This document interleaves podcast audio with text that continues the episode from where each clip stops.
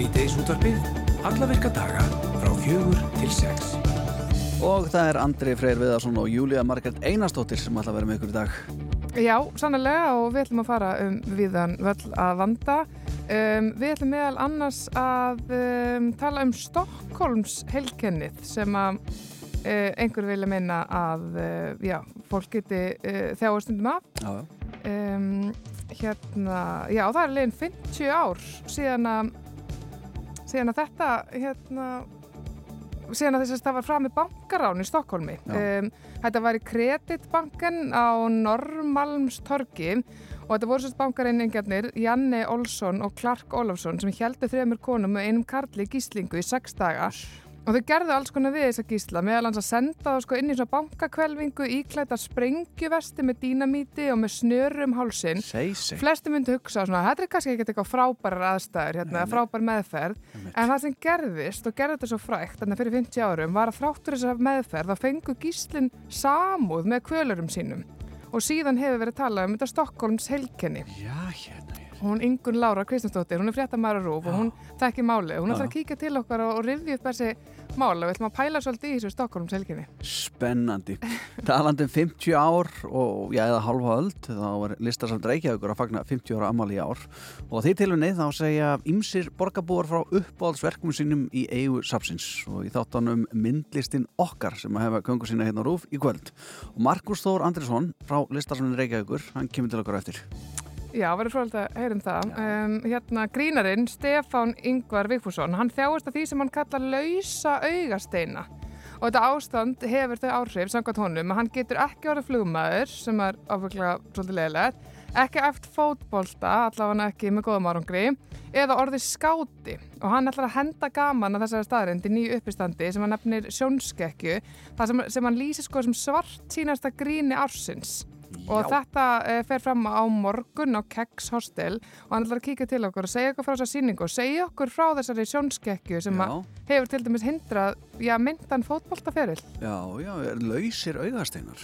Sko, ég hérna, er ekki alveg viss Nei. hvernig þetta lýsir sér en ég laka til að heyra. Ég sá bara fyrir mér, ég er ekki reyna að slá að leta strengi en ég hef sem margir að gert það svona þegar maður er að föndra á með svona augu já, svona kaupir og svona hristir það var augasteinu svona upp eða niður eftir já, já, minnur þá að maður hafi ekki stjórnaðum þannig að einnig kannski já, vísar- já, já, já, það kemur ljósa eftir. Já, algjörlega. Nú, uh, gær þá byrti útflutningsskrifstofur Norðurlandana Nomex, eh, sjötta stærsta tónlistamarkas heims, eh, lista yfir 20 undir 30 sem að skara fram úr í tónlistariðnaðanum sem sagt fólk undir 30 ára gömlu. Og hvað haldið, við Íslindakar eigum ekki bara einn fulltrúa ekki tvo, heldur þrjá fulltrúa í þessum hópi. Og það eru já, okkar einn Bjarni Daniel Þorvaldsson sem að starfa hérna á Rás 2 með Ólundagarðin og, og, og fleira. Og uh, svo er það Júniu Linn, uh, Júniu Linn uh, Jónsdóttir, hún er þetta líka og Solveig Mattildur Kristjánsdóttir. Þetta er okkar fulltrúar. Hrefna Helgadóttir kynningastjóri Úton, allar að segja okkur aðeins meira frá þessum tilnefningum. Og svo kemur Solveig Mattildur sem er meðal annars meðlumur í hljóðastinni Kælan Mikla og segir okkur svona aðeins uh, af hverju hún er tilnefnd í þessum flokki. Já, þetta er ekkert slór. Nei, nei. Uh, svo er það hátíðin Hamraborg Festival sem hefur festið í sessi sem svona einn svona frumlegasta listahátíð landsins.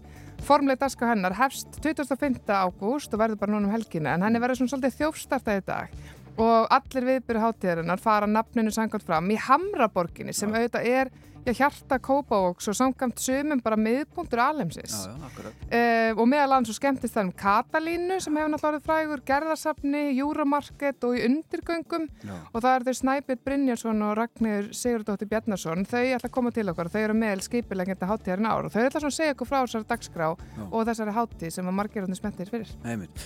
Og ef við fyrir maður lengra en góðbóðurinn þá við komin til uh, Garabæðar og svo Hafnafjörðar en heita varslaust hefur verið í Hafnafjörð og hluta Garabæðar frá því gær og heist hefur að íbúar svæðisins hafa þurft að sækja í önnur póstnúmer til að baða sig og þetta er afar óheflegt í ljósið þess að grunnskólanir eru hafnir og, og uh, já, tæni til starfa og Valdimar Víðisson, skólastjóri Öldutúnskóla og formaði bæjarás Hafnafjörðar og verðandi bæjastjóri hann ætti heldur betur að vita allt um ástandið og það vil svo skemmtilega til að hann á línni Sælblessaður Já, komið þið sæl. Hvernig er ástandið núna? Er komið heitt vatn í granna? Já, ég hef komið eitt vatna. Fór, fór af hjá okkur á mándaskvöld og, og, og kom á í, í morgun, þannig að þetta var, þetta var vel, vel rúmur sólarhingur sem að vorum heita varslaus. Já, já, og varst þú einn af þeim sem að eh, fóst í annað postnumur til að skóla þig? Það hefur búið að vera svo mikið álanum og koma skólanum í, í ganga. Ég náði því nú ekki en, en hapfinningar eru nú almennt svo blöðt og gott fólk að við tóku þessu nú með stóiskri ró. En hins vegar var alveg svona stress þættir valdar í skólum að kennara sem voru að taka móti krökkum voru snátt að segja á því að það kemist ekki styrtu fyrir skólasetningi í morgun. Mm. Þannig að það var bara kvöldstyrta eða, eða skroppi yfir í, í nákvæmlega sveitafélagin til að komast í, í baði að sundi eða hvernig sem það var. Já, já. Kvöldstyrta alltaf meinholl. Já, já, maður sá það líka á skólasetningunni að hóparni voru svona mismunandi þessi fyrst í morgun og svo málega fóreldrarnir og ymsið þessi sem voru örlíti kátar en aðrir höfðu náð sér í eitthvað styrstu því, því að þetta tekur svona verð menn verðaðis pyrraðar að komast ekki reglulega í, í styrstuna sína. Já, já. En hvernig var lyktin í skólanum? Var hún öðruvísi en þar skólinn byrjar vönnulega? Nei, nei, það var ekkert öðruvísi. Þetta var, þetta, þetta var búið að kynni þetta mjög vel og maður búin að gera alveg rástafanir og það var svona sameilegi þræðir. Við maður sá það okkar stafsfólka þræði hérna á netinu á mándarskvöldið hálf tíu. Það var verið að setja inn, hefði munið að drífa sig að klára að fara í styrstu fyrir tíu. Það komist ekki hérna miðugdægin. Menn voru alveg að minna hvert annað á að, að þetta væri nú að bresta og svona þannig að mann gerði nákvæmlega rástafanir. Og bara ylvatn og svona ef menn voru þess leir í morgun. Það er gott að gera þetta enda allt saman vel og skólinn er byrjaður og þú, já, mynd þú hvaðja skólastjórastarfið þegar þú tekur við sem bæjastöri? Já, já, þegar það kemur að því, þannig ég, ég verð þetta skóla allavega og rúmlega hérna, þannig að við erum, erum sömdum um, um rétt hæflega helmingina kjörtíðanbili, þannig að ég bara er, er góður í, í, í mínu skólastjórastarfi allavega en þá sko. Mm -hmm. Stórgott, uh, gott að já. þetta, já það komið aftur heitavatn í granna og fólk getur farið að baða sig í heitavatnu þeir sem að vil ekki ferskleikan eins og við Júlia. Við já, ég, ég hef bara fagnat því já. að þurfa ekkert að fara styrtu. Sko. Nei, kvöldu styrtu. uh, Valdimar uh, Víðisson, skólastýru Öldutún skóla, takk hjálpar spjallið og gangið ykkur vel með komandi önn. Takk fyrir það. Bless, bless, bless, bless. bless. Já, þetta er alveg magnamar. Þú fer, ferð þú ekki kalda styrtu eins og ég? Ég kalda? Já. Sko, ég fer bara aldrei styrtu, ég er að segja satt. Hæ? Ég þóla ekki að fara styrtu. Þú fer í bad, ég fer alltaf í bad, já, já. Og mér finnst æðislegt að vakna snemma og fara í gott bad og drekka fyrsta kaffibotun í bad, sko. Já, ég gerur það. Já. Kallbad. En það er funheit, sko. Já, það útskýrir mörgt. Já, akkurat. Rástvö. Rástvö. Fyrst og fremst í 40 ár.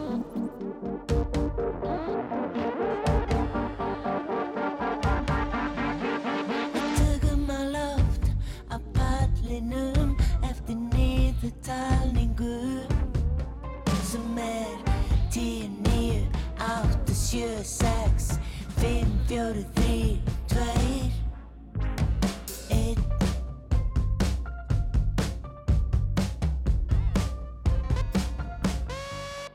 Þetta tekur smá á en við skrúum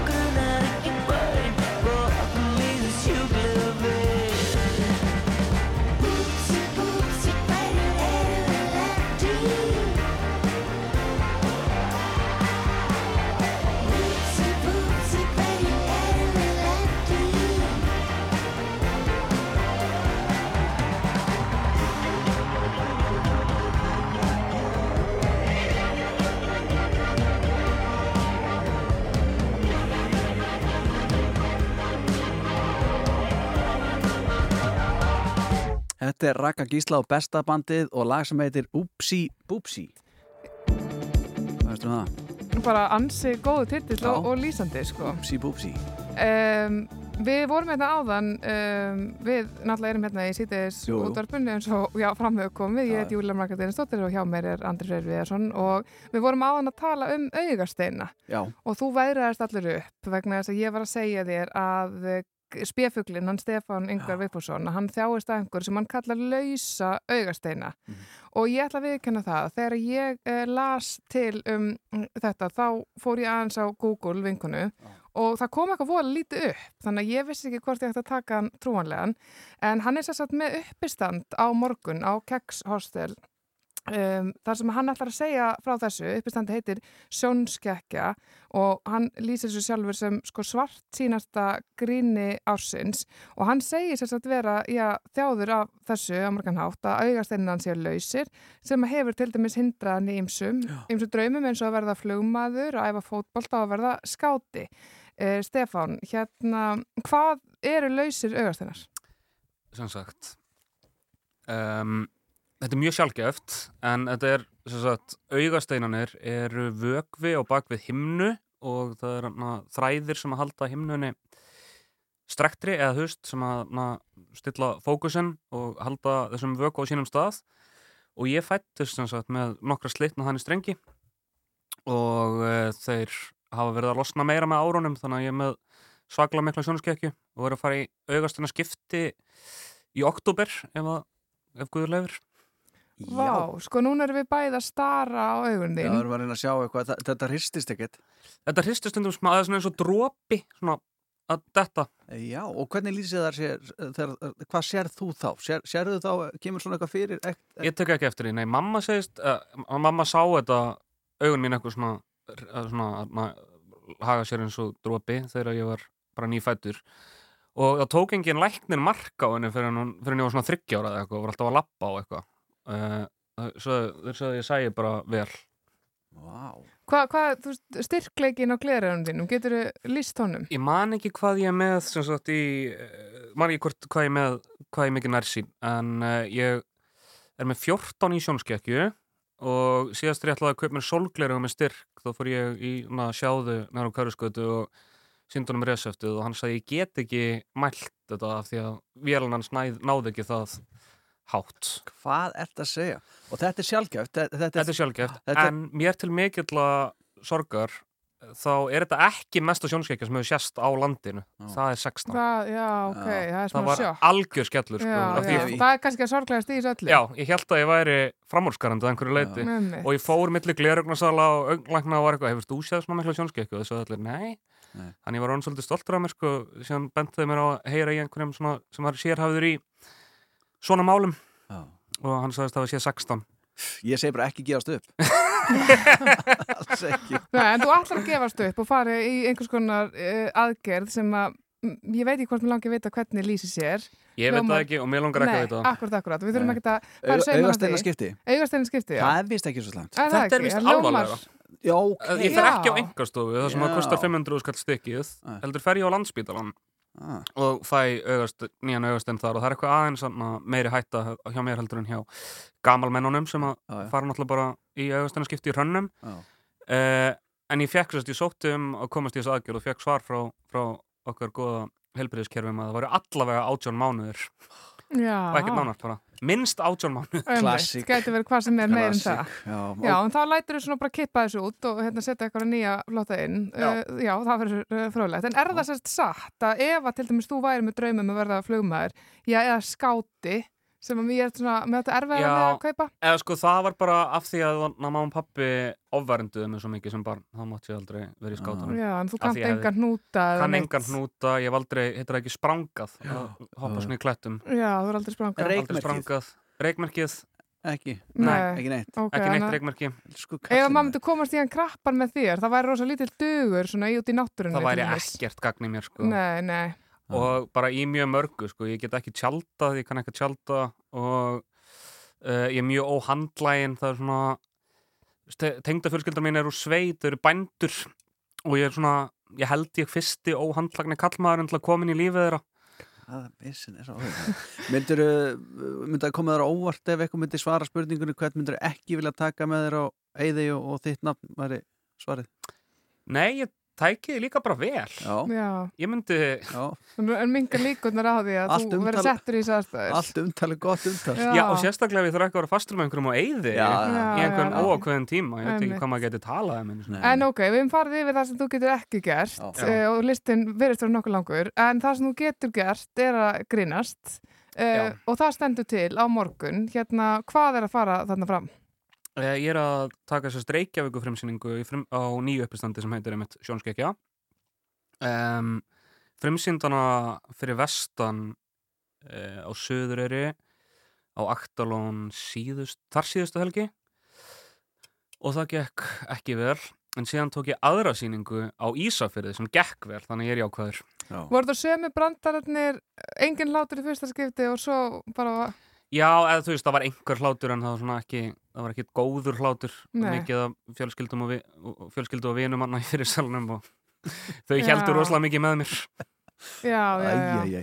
Já, já, þetta lítur bara skána Ég hef enga trú á öðru sko Nei. Nei, en þetta gekk sér mjög vel hana á Ísafjörðu á dokkunni þá, þá var þetta mjög skemmtilegt leið. Eh, Þú hefur náttúrulega farið víða um land og skemmt og bæðið með félögum þínum í, í, í þínum hóp og líka einsamall. Já. Finnur um mun á, eins og þú segir, á Ísafrið gekk vel, finnur um mun á stemningu, sölum, er húmarinn öðruvís eitthvað starf á einhverjum landslitunum en öðrum? Já, mér finnst vera svona þú veist, það er svona minniháttar breyt, eða svona munur á á, e, á því hvað þið ekki fyndið, þú veist, ég var með einhverja brandara ég var með einhvern mjög skrítum brandara sem að ég hugsaði að, þú veist þetta er allt saman nýtt efni en sen er ég alltaf með einhverja svona nokkra í vasanum ef að allt verður landskotans og ég var með einn í vasanum og þegar allt byrjaði að fara landskotans þá hugsaði ég, já, nú segi ég þennan og þá munið þau fucking míga á sig Mm -hmm. og það var ekkert leið, brandari sem hefur alltaf killað í Reykjavík Vá, þetta er hart. En þegar þú ert svona stendur á sviðinu og þú horfir yfir hópin, ertu að leita að brosum í andlitum fólks? Nei Ég er að spá hvort það gæti verið þægilega að bara sleppa glerunum.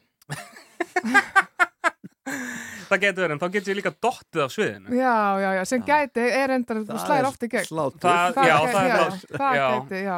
Já, einmitt. Ég er bara Þá var stengið spurning sér hvort fram. maður vilja að niðurlæga sig. Já, Já. Fyrir. Þetta er þunnlína Þetta er þunnlína En Nýja sýningin, hún eh, já, við getum kíkt á þig og hvar og hvenar, hvað gerum við eh, og hlustundur? Herðu, þið farið á miðix.is, ekki tix. Miði Já. X. Þetta er bara einu orði, bara midix. Midix, já. Og sláði inn sjónskekkja og, og ég verði á keks á morgun og eitthvað fram á áramótum og síðan fyrir ég austur um helgina Já, og eilstöð og hefni hortnafyrði. Hlakka mikið til að fara þangað.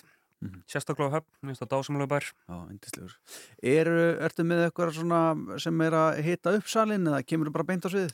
Ég kem beint á svið, ég ætla að fá einhverju alltaf að hitta upp þegar framlýða stundir þegar ég er aðeins búin að átta mig almennilega á efninu mínu sjálfur. Já.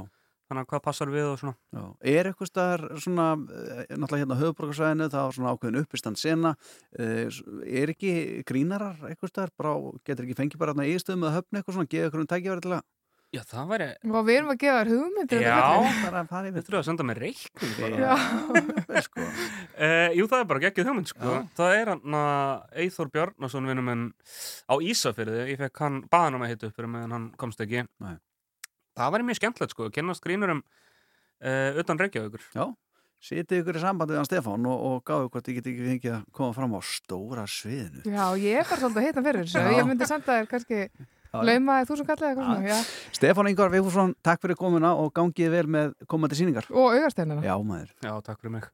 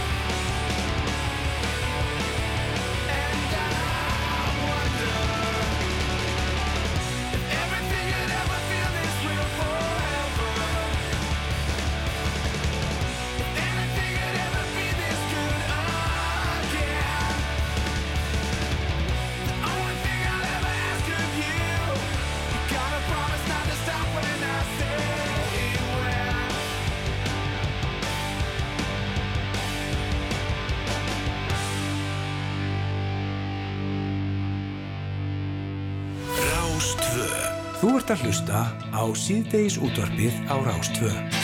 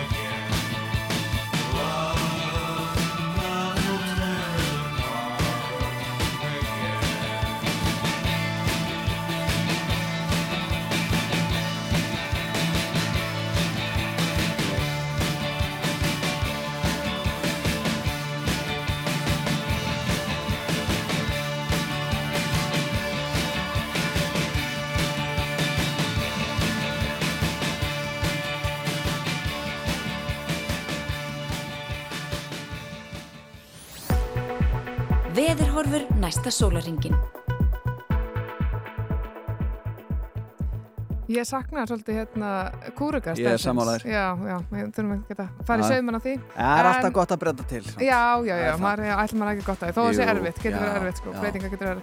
En já, það er eins og hérna, já, þið kannski heyrið það, þá er ég búin að vera aðeins að fara yfir uh, horfurnar Mm. og það eru bara ansið góðar. Er það? Sko málið er náttúrulega ég, eins og margir kannski svona allan á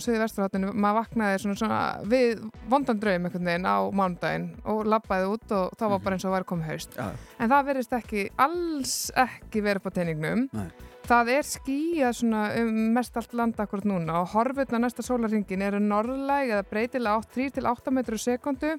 Norðan eh, 5-13 austast, víða bjartviðri en skýjað með dálætið til vætu austan til, líkur á stöku skúrum sunnanlands. Uh, Suðu vestlægi átt 3-8 á morgun, yfirleitt bjart en skýjað austalands framna degi sumstar þóku bakkar við ströndina. Mhm.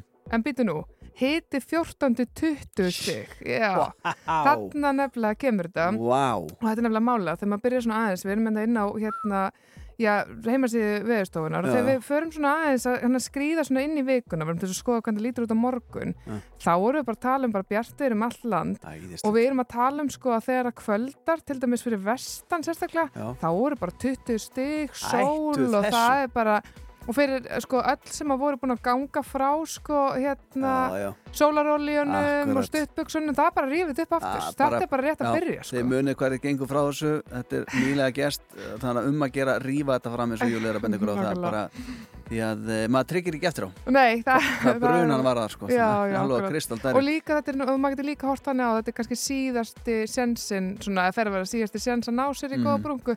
Þannig að það er bara um að gera nýta, nýta Ég nota eiginlega aldrei vörd sko Jú. og hef brent vola illa á því já. Ég kaupi sko sóla Þú þarft náttúrulega, þú ert svona með þetta er svona rauðbyrkna minnstakosti 50 Já, minnstakosti 50 Ég kaupi stundum í sólandum þegar við til sólanda, kaupi stóra brúsa.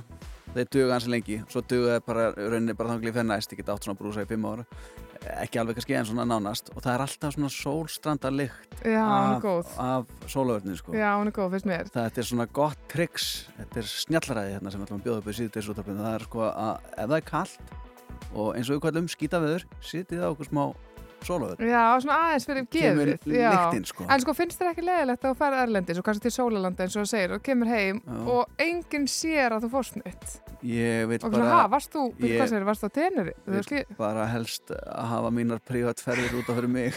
bara svoleið. já, ég deil því náttúrulega meir það er nú eitt annað sem er gerst á þessum degi. já, Júlía. Mm. 23.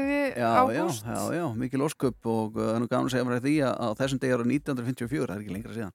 Uh, við forðlaði okkur eftir í Skálholti, þá fannst steinkista Páls Biskups Jónssonar sem er lest árið 1211 og þetta er nú einn merkasti forðlegafundur Íslandsögunar. Pældi að vera manneskjan sem átti þessa skóplustungu og svo bara Já. allt inni fyrirstað og þá bara stengist það sjálf Pældi að gera fjölskyldurinn sinni það að láta gera sér steinkistu. Upp á, Ég hugsa samt að það ekki verið borið út sko, en nei, já, nei, á kannski lagður í steinkistu, já, já. Nei, nei, ég er nú bara að slá að Já, já, kannski ekki við það léttasta, en já. grínara hérna rétt aðan og Akkurat. uh, Stefán Jónsson leikari, hann ámæli dag, fæðist Já, árið já. 1964 Lott, og svo var þessi frægu, frægi fótballtaleikur sem að Ísland og, og þegar Ísland eh, og Danmörk uh, mættust í Danmörku og Danir sigruðu 14-2 já, það var Helgi Númarsson og, og Hemmi Gunn sem að skoruðu mörk Íslands emmi svo er það annað amalspætnið það er enda töðu bót það er Auður Lilja Ellingsdóttir hún á amal í dag, fættaðum stegur á 79 og Þórildur Þorkelsdóttir fréttakona og uh, hlaðvarps uh, já hvað sem er hlaðvarpsstjórnandi. Hún á amal í dag, fæðastum stegi árið 89 til hamingjum það öll samul og við ætlum að fara að tala um list eftir smástund og það er uh, myndlistin okkar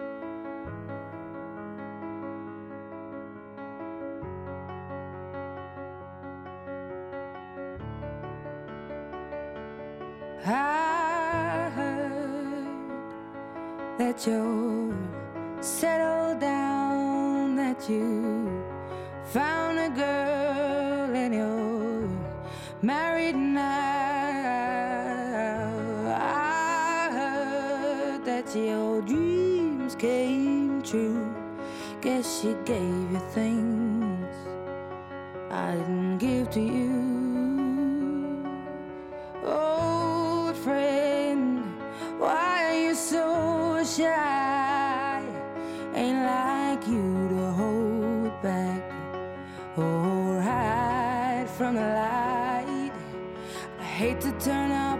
Of the blue uninvited, but I couldn't stay away. I couldn't fight it. I had hoped you'd see my face and that you'd be reminded that for me it isn't over. Never mind,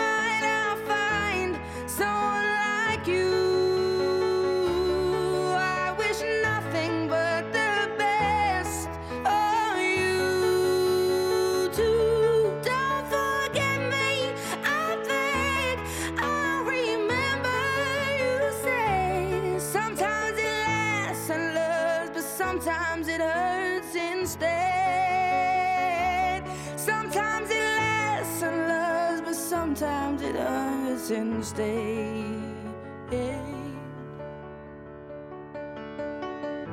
You know how the time flies only.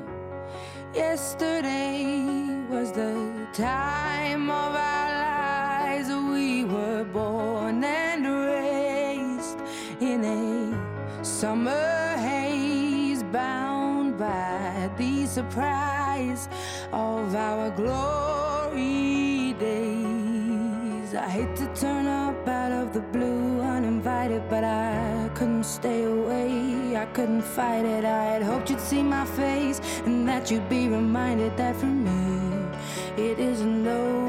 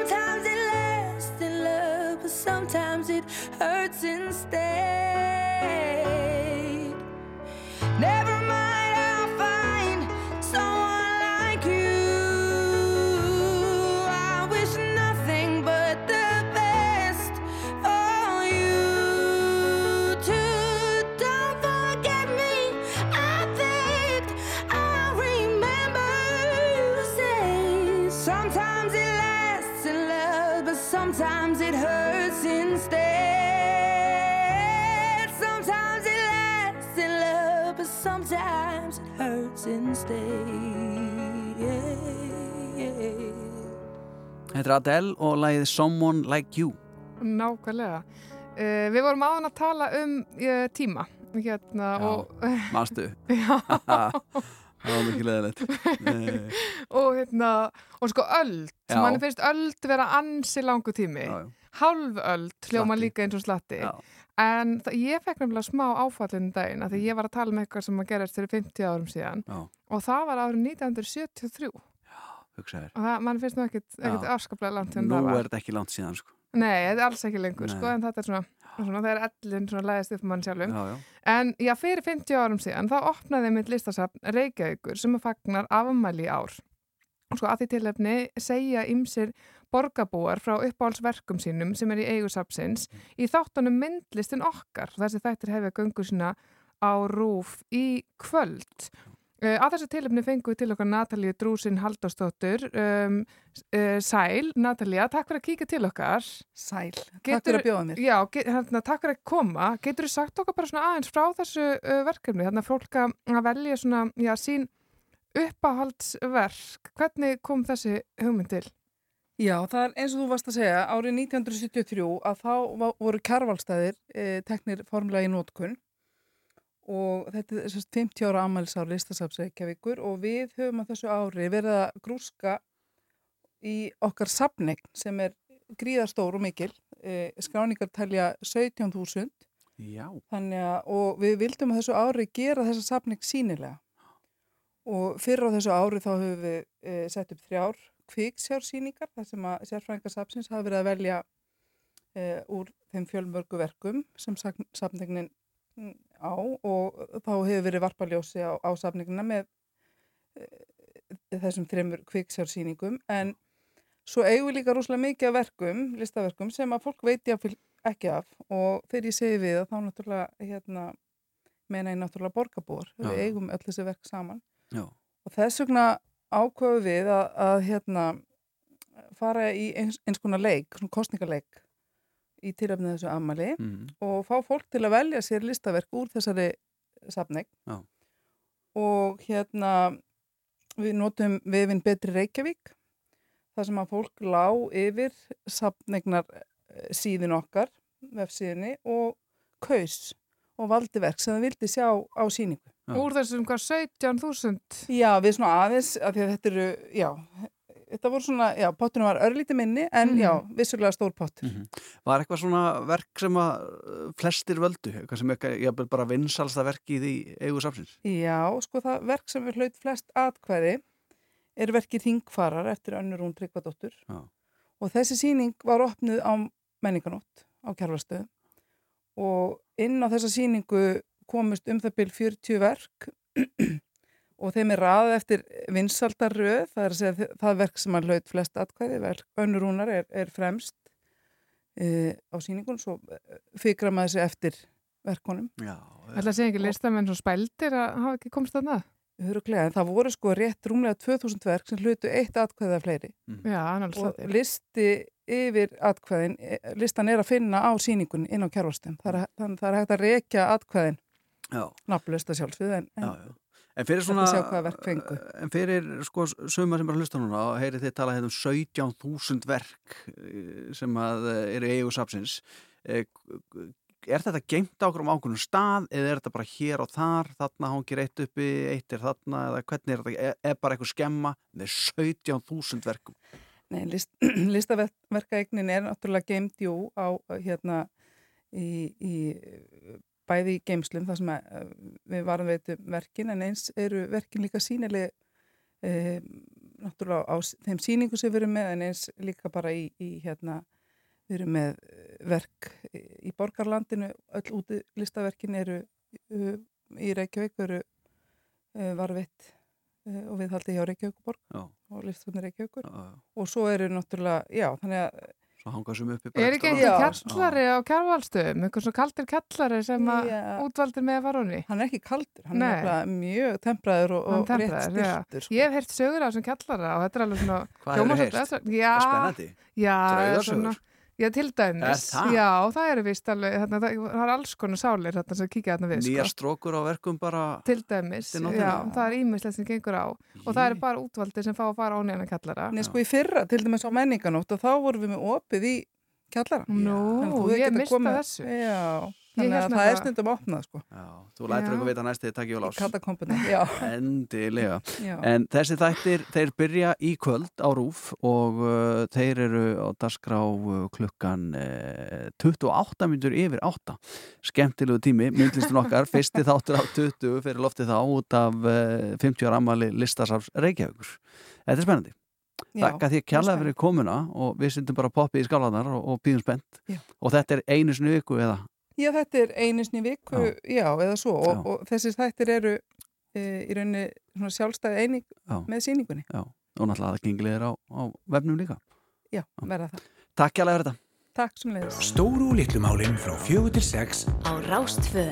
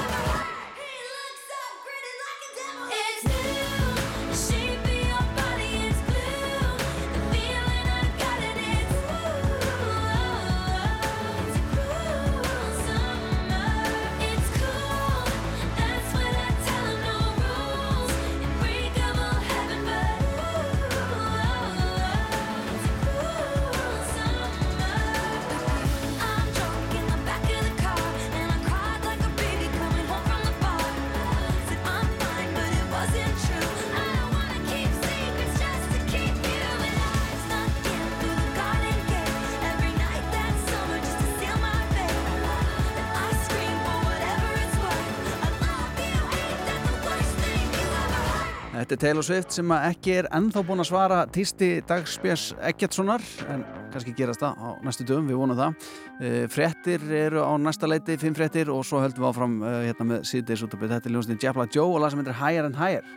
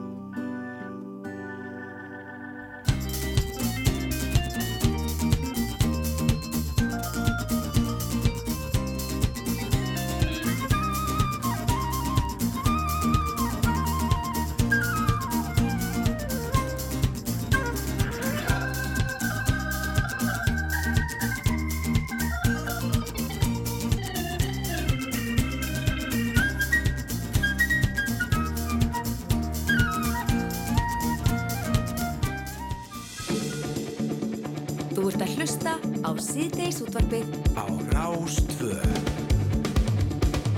Já, Júlia, áframhöldu við með 50 árin.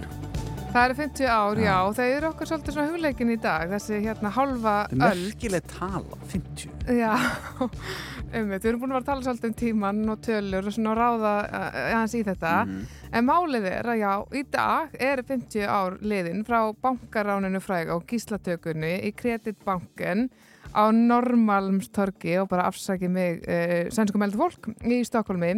Hanna voru ferðinni bankaræningarnir Janni Olsson og Clark Olofsson og þeir heldu þremur konum og einum karli í gíslingu í sex daga og pynduðu þetta fólk en það merkilega var að sko fólki sem var pyndað þarna, eða fórnarlömpin ef við meðum segja þessu svo, þau snýru svolítið á sveif með kölurum sínum Já. Þetta er, já, það finnst mann ansi fröðulegt og þetta hefur verið kallað síðan Stokkólms heilkennið og þetta er eitthvað sem er svona slengt fram í alls konar samræðum og svona líkingamáli.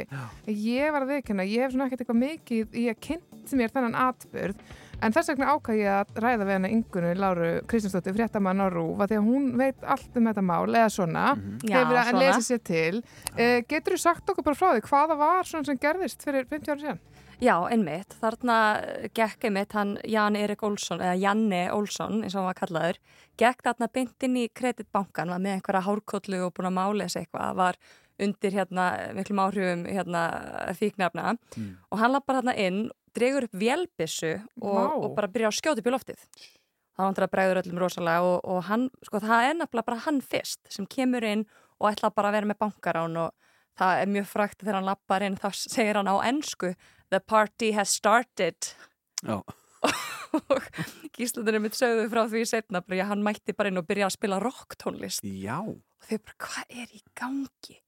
Og þannig byrjar þessi atbyrður á sem er einmitt þarna 5-6 daga hérna gíslataka Já. og hann er mitt snemma, hann byrður um að fá hérna eitt félaga sinn sem var einmitt allræmdur uh, glæpamæður í Svíþjóð sem heitir einmitt þarna Clark Olofsson það var einmitt hérna nett, það voru Netflix þættir gerður um hann, Já, Clark Já, já. með einu af þessum, einum af þessum skarskart uh, bræðurum Og er það um, Auðvitað. fjalla þeir um þetta, þennan atbyrð? Já, fjallum þennan Já. atbyrð og svona stærri uh, svona, hans svona uh, tíma sem glæpamaður í Svíþjóð hann, hann var rosa, hann rændi marga banka Já. þó hann hafi ekki byrjað þetta í kreditbankan Já, hérna, já. Vá, að komast upp með það finnst mér alveg þrekkvirki. Já, já, Sko það já. sem þú ert að lýsa, þetta minnir mér svolítið á hérna einhverja Batman-myndina Kristoffer Nolan þar sem að Jókerinn er að ræna Mm, banka. Þetta hljóma miklu meira eins og eitthvað Batman-mynd heldur en bara eitthvað sem myndi gerast í Stokkólmi. Einmitt. En sko, sex dagar, ég meina, hérna hvað, þegar er þessi gíslar, voru þetta bara hérna viðskiptavinni bankans eða Já, hvað þetta voru starfsmenn bankans, þetta voru einmitt þannig þessu fjögur, einn sem heitir Birgitta Lundblad og svo er Elisabeth Olgren og, og svo Kristín Enmark uh, og Sven uh, Söfström og það er þessi Kristín Enmark sem allir tengja við uh, Stokkólms heilkennið því að sko hún var svolítið skotin í honum Clark. Já. Það gerist þannig að þau sko, hún lýsir því svo litið að, að hann hafi í raun verið að, að verja þau og ég fann einmitt sko viðtal við hana frá 2016 þar sem hún sko lýsir þessu hvað hún þoldi ekki þetta sko orð, Stokkólms heilkennið. Heyrum það. I always felt that I did something wrong. You're not healthy when you have a syndrome. So if you say that these girls or me have this syndrome, you don't have to pay attention to what they say. Mm. Er Hún er eitthvað ekki alveg að ána Nei. með svona, þe- þessa sögu skoðun á því sem þarna gerist. Mhm. En það er alveg staðfest að ég meina þau, hérna, þetta eru sex dagar og einhvern veginn, já, svona megnaðum eða öll byrjuði bara svolítið að halda með þessu bankaræningum. Já, og hún einmitt lýsir því sérstaklega að henni fannst eins og sko að yfirvöld og, og sérstaklega lauruglun á sveðinu væri bara ógna þeim að þau voru sko að miða bissunum inn í bankan í áttina Janne sem var svona aðal eh, sko höfupaurin í þessu en líka í áttina þeim. Og að þau voru ofta lendu alltaf á milli og henni fannst þess að þeir væru bara ekkert að hugsa um heilsu þeirra. Og það var þarna frækt símtal sem hún átti við Ólaf Palme forsættisráð þeirra þar sem hún byður bara um að þau gera eins og gíslatökumennir segja. og hún sagði setna frá því að í þessu símtali sem ég held að það er eitthvað svona bútur sem var aldrei byrtur að þá hafi forsættisráð þeirra hann sagt þessari Kristínu bara, herðu, það er bara betra að þú deyir fyrir þjóðina Já. Þannig að auðvitað er hún bara, Já. hún fílar ekkert lögguna, hún fílar ekki öföld, henni finnst þess að Clark sem kemur þarna setni inn var svolítið að róa hann Janni niður og bara, heyrðu, koma, við skulum ekki binda stelpunar og við skulum, við skulum hafa þetta svona rólegt og, og þægilegt og semjum um að fá matingaðinn, semjum um að fá vatningaðinn og hérna, og það myndast náttúrulega rosa mikið spenna þegar þau festast inn í bankakvelvingunni og löggan er að reyna að bóra í gegn og það er vatn að leika í gegnum loftið, þetta er bara rosa tens hérna um, umhverfið þarna.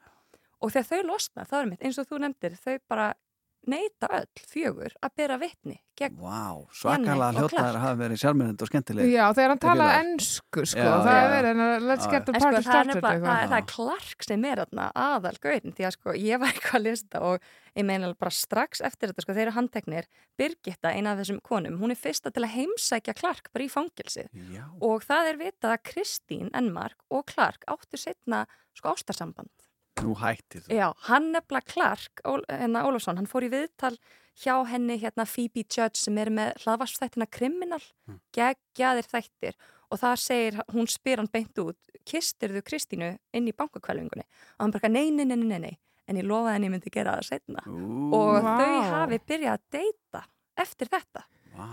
Sko, eru þessi menn, Janni og Clark, eru þeir enn á meðalvor? Já, bara? þeir eru enn á lífi, hann Janne satt inn í einhver svona tíu ár, hann flutti svo bara til Thailands og hann giftist þar uh, konu og nú er hann bara að selja bíla, hann er bara bílasölumæður í það að Svíþjóð. En við í síðdeisóttunum mælum að sjálfsögðu ekki með því að að fólk verði bankaræningar þó að þetta hljómi svona spennandi Já, og, þetta- og, og mikið ævintýri. En þá Gott er að það- Það, sem sé er út. virkar hliðar á þessu. Þessi hérna fangelsisvisti tíu ár hefur ábygglega ekkert verið eitthvað það frábær.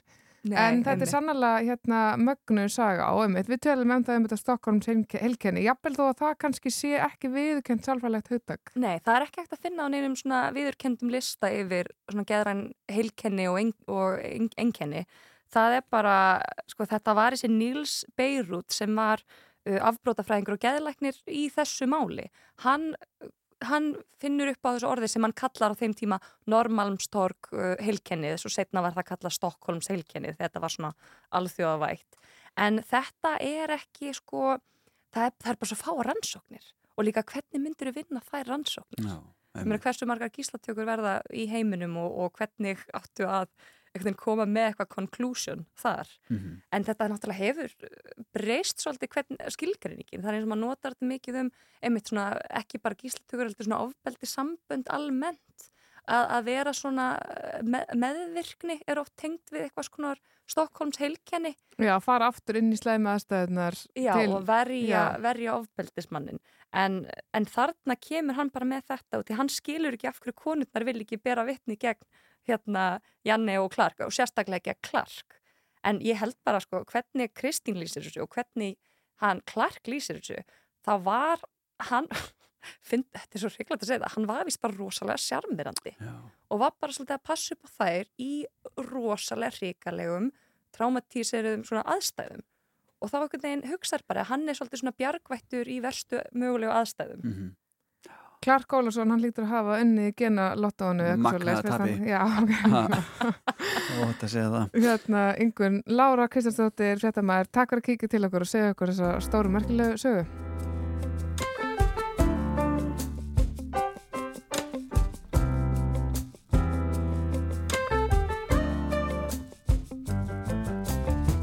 Slip sliding through the day to day, nothing on my mind, I was in decay. Was a couldn't find my way back. I could never do it on my own, then you came along and you put me right. Take my hand and we'll get out of here, driving through the night. I was living in the haze, couldn't feel my face. Lost all track of time and space, felt like I was sleepwalking. Nothing can go wrong if you're here tonight. And if you plan on staying long, we can sit and watch the sunrise. Early on, I almost broke it off, went back to my cynical ways. Those days without the sight of you left me with malaise. Those thoughts will never cross my mind. Promise that I won't make the same mistake. Same mistake. I swear that's the honest truth, cause I know the stakes. Couldn't keep my head above the waterline. Lost all track of space and time. Felt like I was sleepwalking. Friends will come and go, there'll be highs and lows. In the end, I hope you know that I can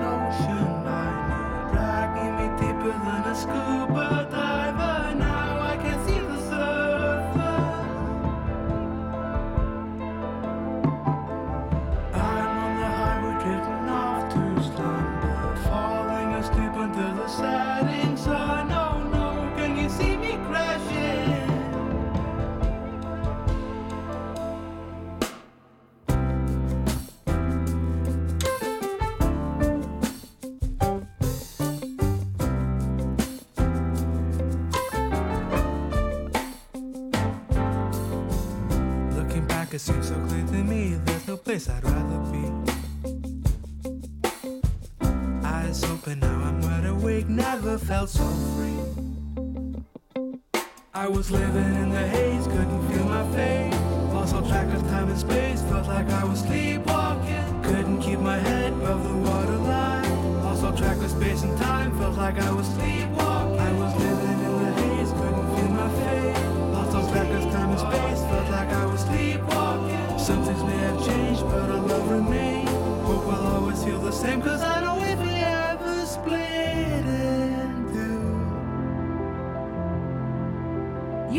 sleepwalking too.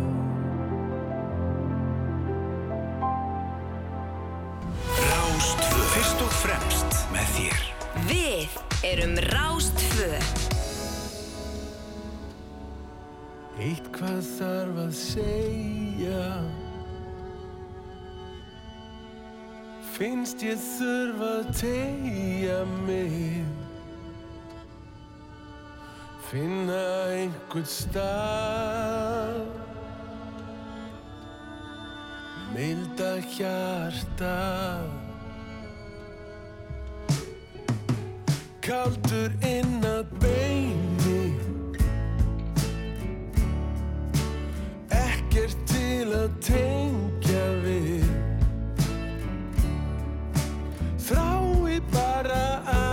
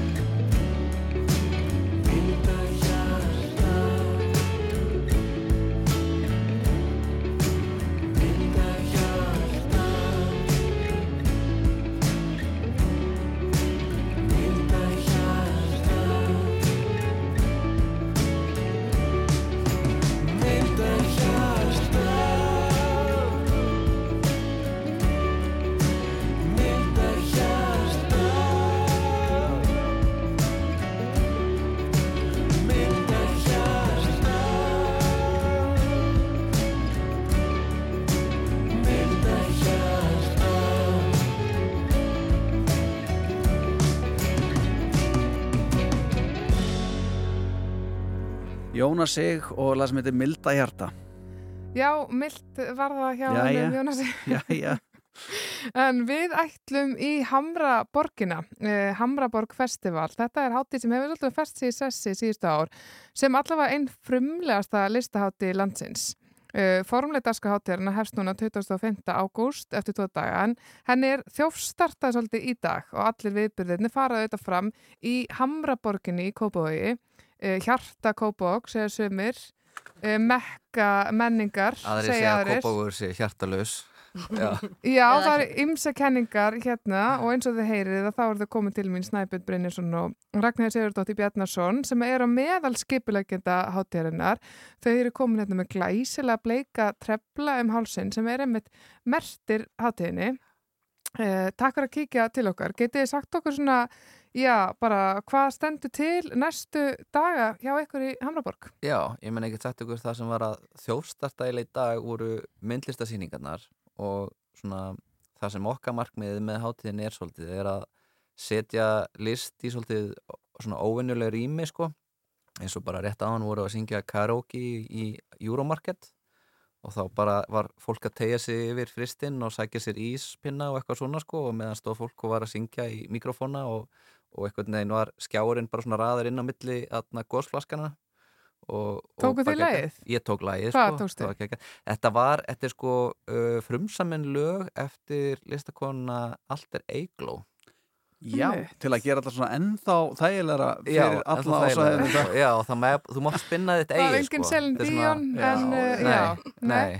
Þetta er svolítið svona eins og festival okkur er, pínu punk, pínu Hamraborgin og þú þarf svolítið bara að finna kannski sjálfur úti í hvernig, hver, hvert, hvert ham, öna, síningarnar og, og Mhm. viðbrunni leiða þig. Sko. Já, Já. í allar áttir En Við erum auðvitað með kort það er, þú veist, þið getið röldum í Hannoborginu og við erum búin að dreifa allstað svona korti og þar er hægt að finna um það byrj 20 lista síningar sko og það eru svona misfaldar en það er auglustlega þú þarf bara að fara inn í búðina þar sem aðna er búið að stilla upp stittónum eða, eða málverkonum eða þú veist, hvað sem það nú er til dæmis karaoke tæki í þessu tilviki í Euromarket. Já. Það er nú svo mikill metnaður í þessu verið þeirra sko, með, þeir eru komið með sko varning sko, eins og við kallaðum merge Já, og svo hérna rosa dasgrá og, og margi dagar og maður bara stökustu vandrar með að fara yfir þetta. E, á næsta ári haldið ég að þið verið komið með app? Uh, já. Herðu, við erum með app. Herðu, Nei, ekki beint app Það er sko er uh, listamæður frá Englandi Froggy Star sem er bjóð til svona, svona AR dæmi þannig að þú getur eh, farið um Hamraborgina og fundið svona skrimsli og þú skanna bara QR-kóða og þá kemur upp, skilur við svo speinagrind eða eitthvað svoleiðis, þetta eru svona skrimsli sem að, e, að Froggy finnst af einhverja tengingu við Hamraborgina sko. Mhm. Og þetta er svona eins og að spila Pokémon Go Já. í símanum. Þú röltir bara um og, og finnur veist, uh, þetta listaverk sem er þarna í uh, símaneginum. Já. Er þetta að fara að stað bara í dag og bara já. Já, bara það er hægt að fara í núna og finna skrimsli Já, þetta er gott fyrir fólk sem hefur aldrei svona "Nei, er þetta ekki bara eitthvað fyrir börn, Pokémon Go? Það getur farið í þetta. Já, nú er, Já, já, þetta orðið list. já. Þetta er myndlist. Já. En hérna, já, vegur og virðing Hamraborgarinnar, ég meina, maður hefur alveg heyrt eins og þið segi, það er skiptar skoðunar stað, uh, hversu vel hefnaður miðbærið er og fleira og Kópáksbúum flestum kannski þykir væntum en stað, en hvernig kom svo hugmynd til ykkar að, að hérna, vera með þessa glistgjörninga á þessum stað? Við erum búin að vera með uh, einhvers konar uh, í, já, síningarröð þarna síðan 2018 og byrjuðum með galeri mittpunkt og svo einhvern veginn þetta upp á sig og nú erum við komið þetta Restora Festival uh, þetta, þetta umhverfi heitlaði okkur bara strax frá byrjunum þegar við komum uh, þetta er ótrúlega skrítið en magnað á sama tíma og það hefur alveg drappast niður í gegnum árin síðan ég var krakki og þannig og mann Þú eftir ert náttúrulega sögu tengd þessu. Já, mamma og pabbi voru eitthvað fyrirtæki aðna, hann að maður er svona smá, þú veist, var svolítið aðna þegar maður var krakki og hann að, en þetta er samt einhvern veginn vekur áhuga og líka bara þetta umhverfi þegar maður kemur aðna, þá vantar bara svo margt fyrir bara manneskuna, þú, lapp, þú lappar ekkert þú bara keirir og kemur á bílnum og hendist inn í búð og kemur eftir.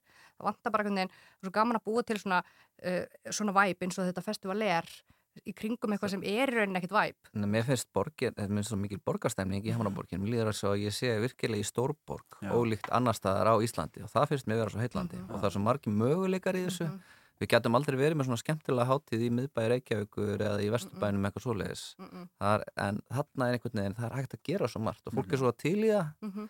það er mér svo skemmtilegt sko. Búðarægendur eru eru síningarýmin okkar og þarna, þau eru bara eiginlega bara pínu að fara fram úr sér núna. Það er verið að halda upp opnanir í búðarími og það er, það er verið að baka í litunum okkar og þú veist, þetta er, það myndast bara eitthvað svona stemning, það er alveg geggja. Sko.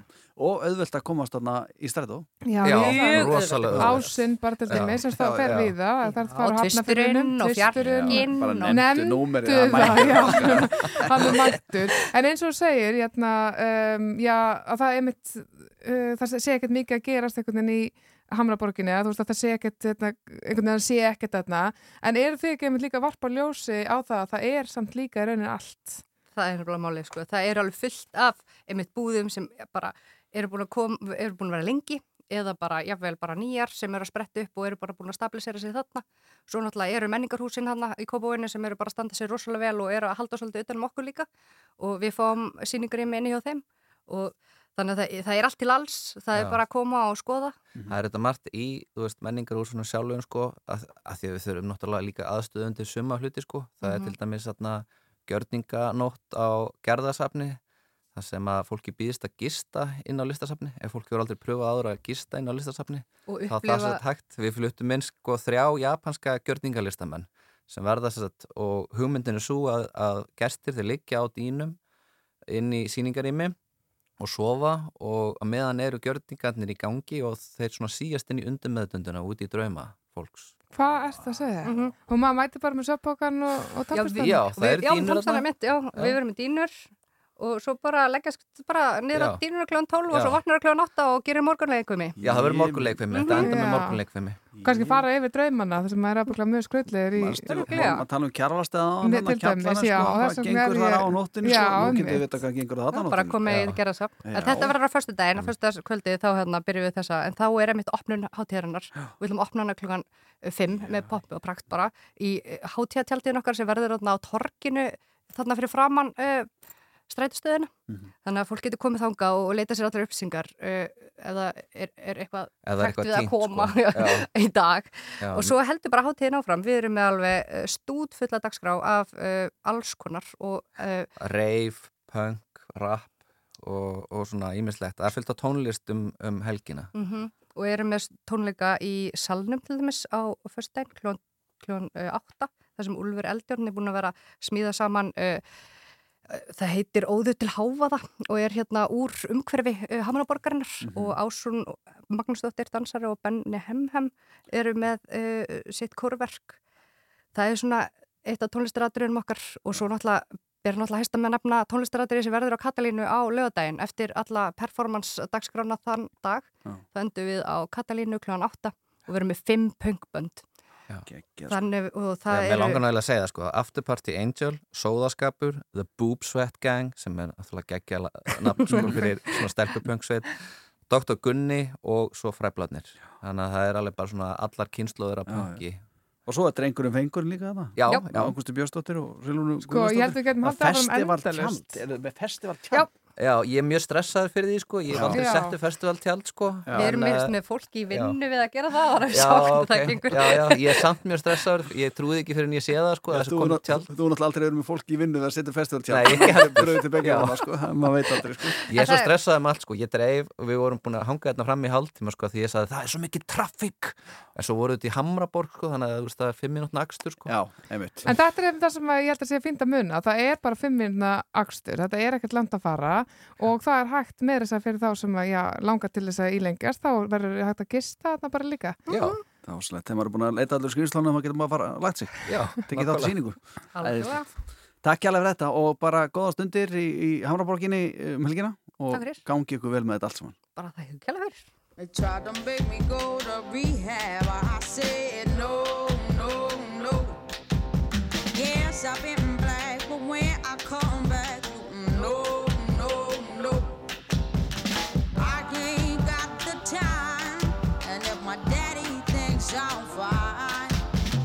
try to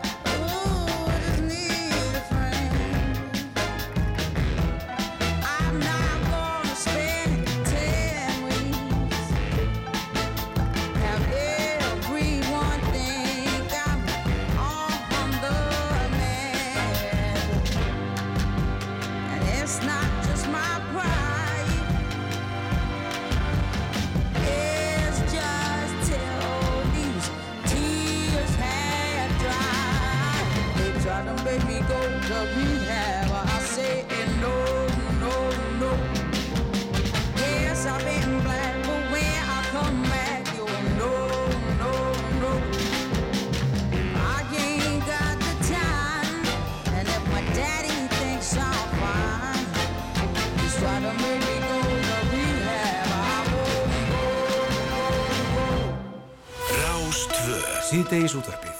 Málefni líðandi stundar frá fjögur til sex á Rástföðum.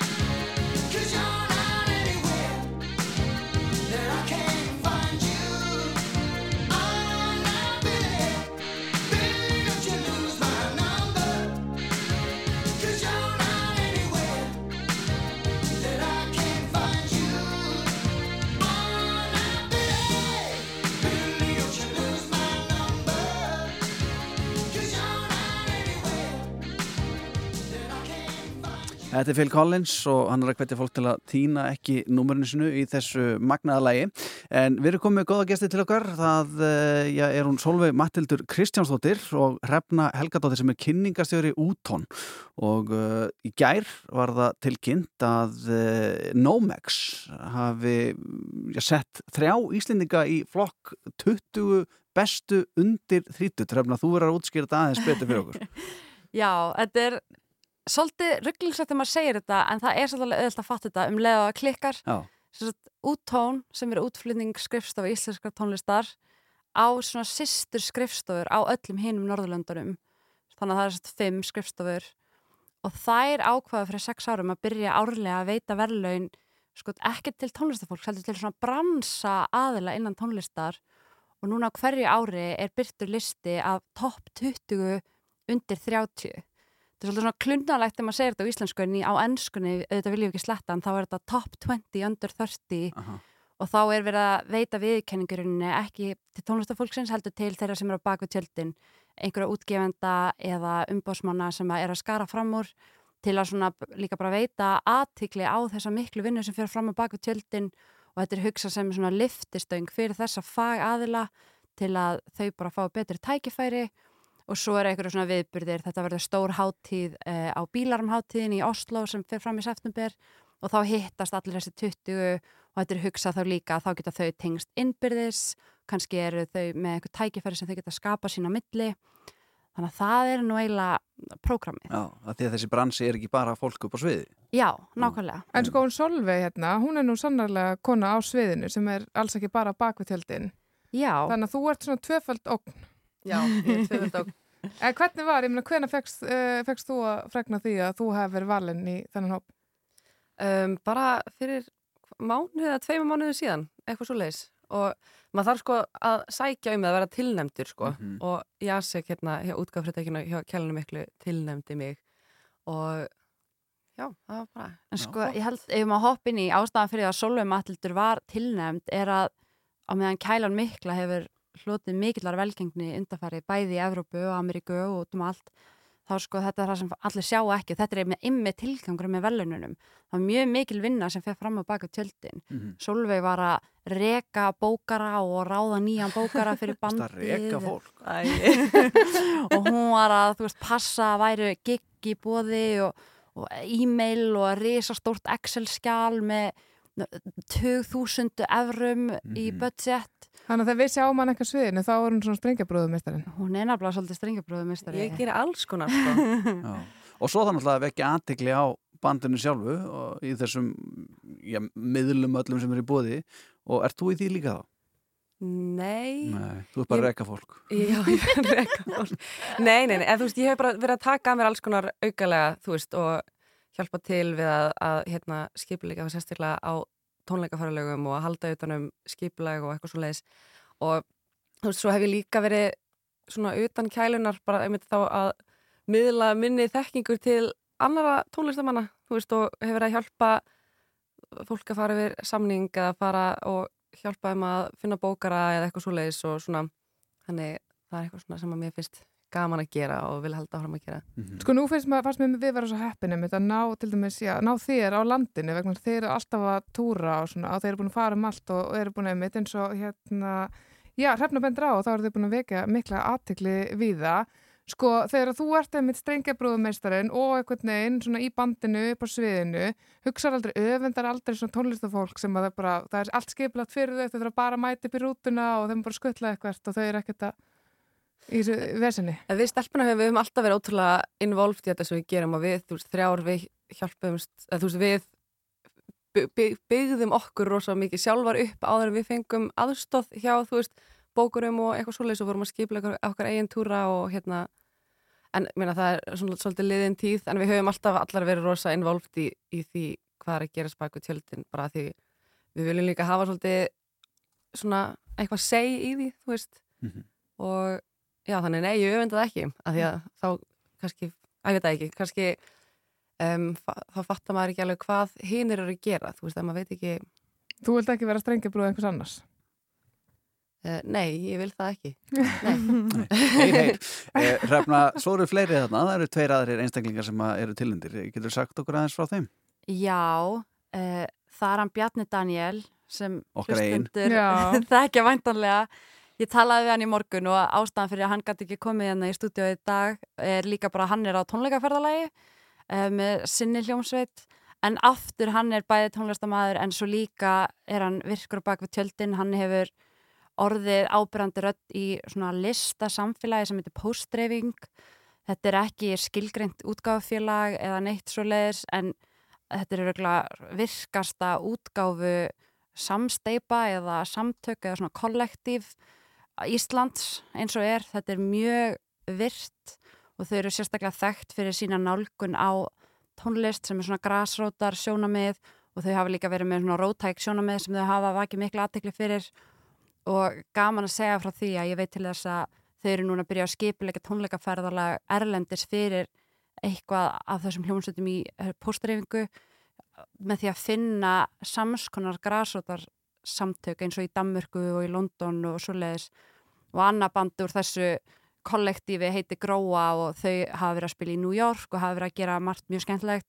Þannig að þetta byrjar sem svona grasrótar samsteipa einhvers konar en við erum að byrja og sérstaklega fyrir okkur frá úttón þar sem við höfum svona áhuga því að sjá er þegar fólk er að byrja að finna fætur í útflutningi, það er alltaf gaman að sjá. Og þetta er búið að vera mjög áhugavert listrænt að fylgjast með þessum hópi í langan tíma en núna er gaman að sjá að við erum að byrja að sjá bönd koma út úr þessu þessu svona sam, samstarfi eða hvernig sem er besta orðið þetta þau eru með betri leið til að lýsa sig sjálf. En þetta hefur vakið mikla aðtegli uh, fyrst hérna heima og núna er þetta byrjað að vekja aðtegli í starra samengi Magnað, uh, já við segjum bara takk fyrir útskýringuna þessar, eh, þú möttur, eh, Já, svo er eini viðbót og þetta er líka manneska sem ég veit ekki hvort að margir íslendingar vita af en uh, Laufey sem er okkar stærsta stjarnar eins og er, hún er komin fram úr í streymistölum öllum öðrum, hún er komin fram úr Björk og Monsters og öllum uh, en það var ekki hún sem fekk velun heldur Júnia heitir hún Linn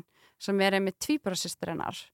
Og hún hefur þann merka titil að vera creative director fyrir Laufeyju sem er manneskan sem er að hanna útlitið og segja söguna í rauninni á bakvið uh, artistan eða bakvið Laufeyju. Auðvitað þær eru að gera þetta saman, hún er ekki ein að þessu. En hún var til dæmis, það var að koma út tónlistamundum Laufeyju bara núna fyrir í vikunni held ég og þar er Júni að titla sem creative director. Og vegna þessara svakalega velgengni sem Laufey hefur fengið, hefur núna Júnia líka vakið aðtikli alþjóðlega. Og hún er byrjað að vinna hjá Universal í London, þar sem hún er að vinna með öðrum tónlistafólki á sama hátt. Hún er farin að vinna í einhverjum brand partnership sem ég veit ekki nákvæmlega hvað er fyrir Universal en hún er komið með eitthvað rosa stórt jobb í London út á í rauninni hennar uh, góðu störf með Laufey Mhm. þannig að hún er alveg frábær fulltrú Íslands í Oslo í september Magnað, Eh, Solveig Matildur Kristjánsdóttir enn aftur til hamingi með tilnendinguna og vonumst til að halda áfram að sjá þig vera ekki strengja brúðu eitthvað annars og, og blómstra í bransanum og Hrefna Helgadóttir, takk fyrir útskýringarnar. Takk, takk fyrir. Og hér er Kæla Mikla með lag sem heitir Hvernig kemst ég upp? Og þarna er Solveig að, láta eina af þessum fjölmörgum hæguleikum skína